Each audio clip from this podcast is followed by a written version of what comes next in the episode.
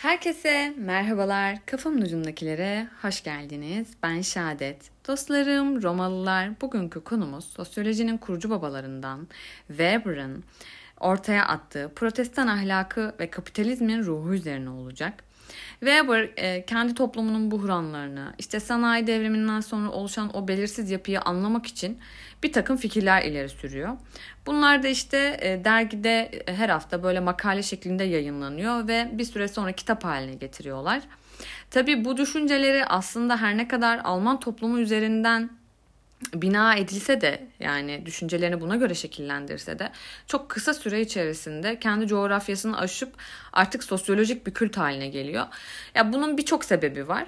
E, fakat bunun e, en önemli sebeplerinden biri bu konu özelinde de aslında e, düşüncelerini ortaya koyarken Weber bize aynı zamanda bir düşünme metodolojisi de sunuyor. Yani bize bir bakış açısı da sunuyor aslında. E, bu onu ölümsüz kılıyor bir anlamda.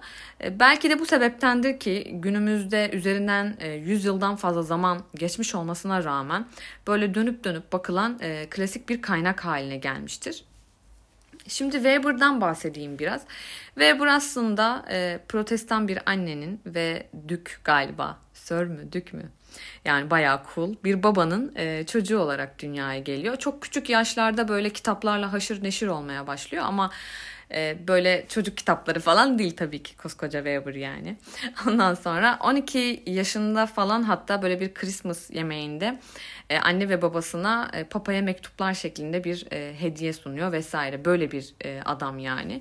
Zaten üniversiteye başlamadan önce de düşünsel hayatını büyük ölçüde de şekillendirmiş oluyor. Yani böyle Göteler, Faustlar falan hepsinin hakkında detaylı bir şekilde bilgi sahibi olan bir kişi. Belki de bu protestan ahlakı işte babasının dük olması onun e, fikirlerini şekillendirme açısından da e, etkili olmuştur e, diye düşünüyorum. Tabii bu protestan ahlakı ve kapitalizmin ruhunu özel kılan e, aslında sebeplerden biri de şu bence. Yani e, Almanya'dan çıkın, dünyanın neresine giderseniz gidin bu denklemi birazcık değiştirdiğinde aslında karşılığını bulabiliyorsunuz toplumda. Bu anlamda bizim toplumumuzda da karşılığını çok rahat bulabileceğiniz bir denklem olduğunu düşünüyorum. Şimdi belki biraz anlamıyorsunuz ama ilerleyen dakikalarda nelerden e, neden böyle söylediğimi bence daha iyi anlayacaksınızdır. Şimdi Weber'ın e, sosyolojisini kısaca tanımlayacağım. Weber'ın sosyolojisi anlamacı bir sosyoloji.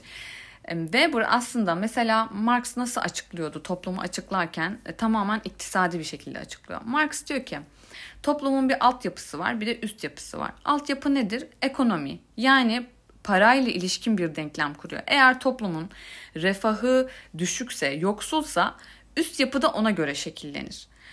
Fakat e, Şimdi Marx sadece toplumu iktisadi açıdan açıklıyor ve bu bazı noktalarda bir açıklık bırakıyor.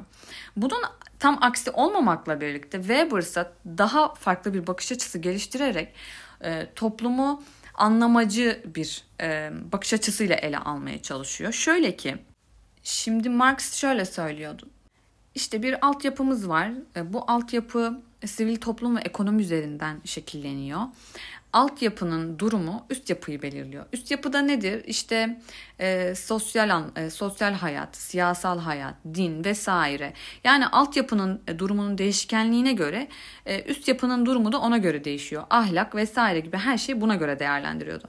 Belki Marx bu kadar determinist yaklaşmadı e, ilk etapta fakat zamanla onu takip edenler bunu sıkı sıkıya bir determinizme bağladı. Yani bir nedensellik kurdu arasında ve işte altyapı böyleyse nedensellik olarak yani sonuç olarak üst yapıda kesinlikle böyledir şeklinde determinist bir bakış açısıyla ilerledi. Fakat Weber'ın felsefe Weber'ın felsefesi ya da sosyolojisi desek daha doğru olur. Şöyle seçici uyuşum şeklinde ilerliyor. Peki nedir bu seçici uyuşum? Weber diyor ki şöyle anlatayım en basite indirgeyecek olursak. Şimdi toplumda bir öğreti var. Nedir bu? Protestanlık. Ee, bir de kapitalizm, kapitalizm var değil mi? Diyor ki bunlar aslında birbirlerini bulup e, eşleştiler. Yani biri birinin sonucu şeklinde değil. Biri birbiriyle uygun oldu ve eşleşti. Mesela size şöyle söyleyeyim. Bir yer hayal edin. Birçok ip var rengarenk ama ipler kesik. İşte bir mavi ip var. E, bir mavi ip var ama kesik. e, işte kırmızı ip var, sarı ip var. Bu mavi ipler birbirini bir şekilde buluyor ve bağlanıyor ve ne oluyor? Dümdüz bir mavi e, ipi oluşturmuş oluyor. Bilmiyorum anlatabildim mi? Çok e, doğru bir örnek oldu mu? Yani bunlar birbirlerinin nedeni sonucu değil de birbiriyle uyuşan iki çift gibi düşünün haline geliyor. Peki neden e, protestanlık ve neden e, kapitalizmin ruhu? Weber şöyle söylüyor. Diyor ki protestanlığın bir öğretisi var. Ve bu kapitalizm de bu öğretiyi alarak kendine ruh e, şeklinde e, nüfuz ettirdi. Böylece kapitalizm yükselişe geçti, modern kapitalizm oldu. Modern kapitalizmde artık protestanlığa ihtiyacı olmadığı için artık din tamamen hayattan çıktı ve başlı başına kapitalizm bir güç unsuru haline geldi. Peki bu nasıl e, oldu? Şimdi biraz geriye dönersek Alman toplumu üzerinden konuşursak bu toplumda şimdi protestan, şimdi katolizm, e, katoliklik vesaire oralara gelmeyeceğim. Direkt ben protestanlıktan başlayacağım. Şimdi protestanlık toplumda daha böyle burjuva, e, daha böyle esnaf kesimi arasında e, bir toplumdan bir tık daha üst düzey arasında yayılan bir e, öğreti haline gelmeye başladı. Şimdi şöyle bir durum var arkadaşlar. Hristiyanlıkta siz doğduğunuz andan itibaren günahkar doğuyorsunuz. Zaten vaftiz olmanın sebebi de bu. Çünkü sen günahkar doğdun. Bu günahkarlığın sebebi ne? İşte e, Hazreti Adem'in işte şey çalması, elmayı çalması bu sebepten dolayı da cezalandırılmaları ve atılmaları. Zaten bu bakış açısına göre siz günahkar doğuyorsunuz ve zaten doğduktan sonra vaftiz olmanın amacı da bu. Şimdi dolayısıyla bu günahkarlık insanın omzundan kolay kolay inmiyor. Hristiyanlık bakış açısıyla söylüyorum. Zamanla mesela diyelim ki siz zengin oldunuz bu zenginlik de sizde bir e, sanki günah işliyormuşsunuz gibi bir his veriyor. Çünkü e, şimdi dünya bir çile yeri ya siz buraya çile çekmeye gönderildiniz. Aslında ceza çekmeye gönderildiniz. Ama burada keyif sürerseniz eğer bu sizin e, Tanrı'ya karşı bir e, bir suçluluk hissetmenize sebep oluyor. Aslına bakarsanız bu belki tırnak içinde söylüyorum. Türkiye'deki bazı muhafazakarların da böyle bir bakış açısına sahip olduğunu görebilirsiniz. Zenginler için konuşuyorum. Şimdi kapatıyorum.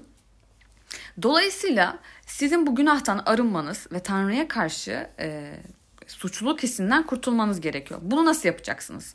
Protestanlık da şöyle söylüyor. Diyor ki siz eğer çalışırsanız yani yaptığınız her iş ibadet meslek ibadet anlamına gelir. Yani siz çalışırsanız, mesleğinizi yerine getirirseniz aslında ibadet ediyor gibi olursunuz ve Tanrı'nın sizden isteği bu. Para amaç değil. Para araç ama sizin çalışmanız lazım. Sizin sürekli üretmeniz lazım, kazanmanız lazım. Böyle bir bakış açısı yerleştiği için bu arada e, hemen bir parantez açayım. Almanca'da Beruf kelimesi vardır. Meslek anlamına gelir. Orada da e, mesela rufundan geliyor. Aramak, çağrı. Hani bu İngilizce'deki calling var ya aramayla birleşiyor. Yani Tanrı seni çağırıyor. Beruf. Anlatabiliyor muyum? E, Tanrı'nın seni çağırması, göreve çağırmak gibi böyle de bir e, anlamı var e, bu arada. Almanca bilgimi hemen nasıl konuşuyorum gördüğünüz gibi. Neyse devam ediyorum. Protestanlıktaki bu öğreti yani işte sürekli çalış, Tanrı senden bunu istiyor, sürekli çalışman gerekiyor. Fakat para bir e, amaç değil bir araç. Ne üretti biliyor musunuz arkadaşlar? Fakat dikkatinizi çekiyorum bu parayı bu insanlar kazanıyor ama harcamıyorlar ve bir kapital ortaya çıkmaya başladı. Çünkü adam alıp bununla keyif çatmıyor, parayı biriktiriyor. Dolayısıyla ortaya çıkan bu kapital ne oldu? Kapitalizmi bir hayat verdi. Böylece protestanlık ahlakı fark etmeden ya da bilerek ya da bilmeyerek bir şekilde protestan şey e, kapitalizme hayat verdi ve onun ruhu haline geldi. Kapitalizmi beslemeye başladı. Kapitalizmi besledi, besledi ve büyüttü. Sonrasında ne oldu? Artık para ilk etapta amaç e, değil de bir araç halindeyken artık para amaç haline gelmeye başladı ve kapitalizm yeteri gücü kazandıktan sonra protestanlık arkaya düştü ve artık sadece karşımızda modern kapitalizm var. Yani protestan ahlakında öne çıkan hizmet ve kurtuluş, e, salvation amaçları kapitalizme hizmet etti, kapitalizmi büyüttü ve onu bugünkü haline getirmiş oldu. Bu arada e, protestanlıkta da Calvin'in öğretileri e, bu bahsettiğim hizmet bilinci fakat çok detaylarına girmedim. Şimdi e, bu bağlamda düşündüğümüz zaman aslında e, dini öğretilerin yerini biraz değiştirin, başka şeyleri koyun.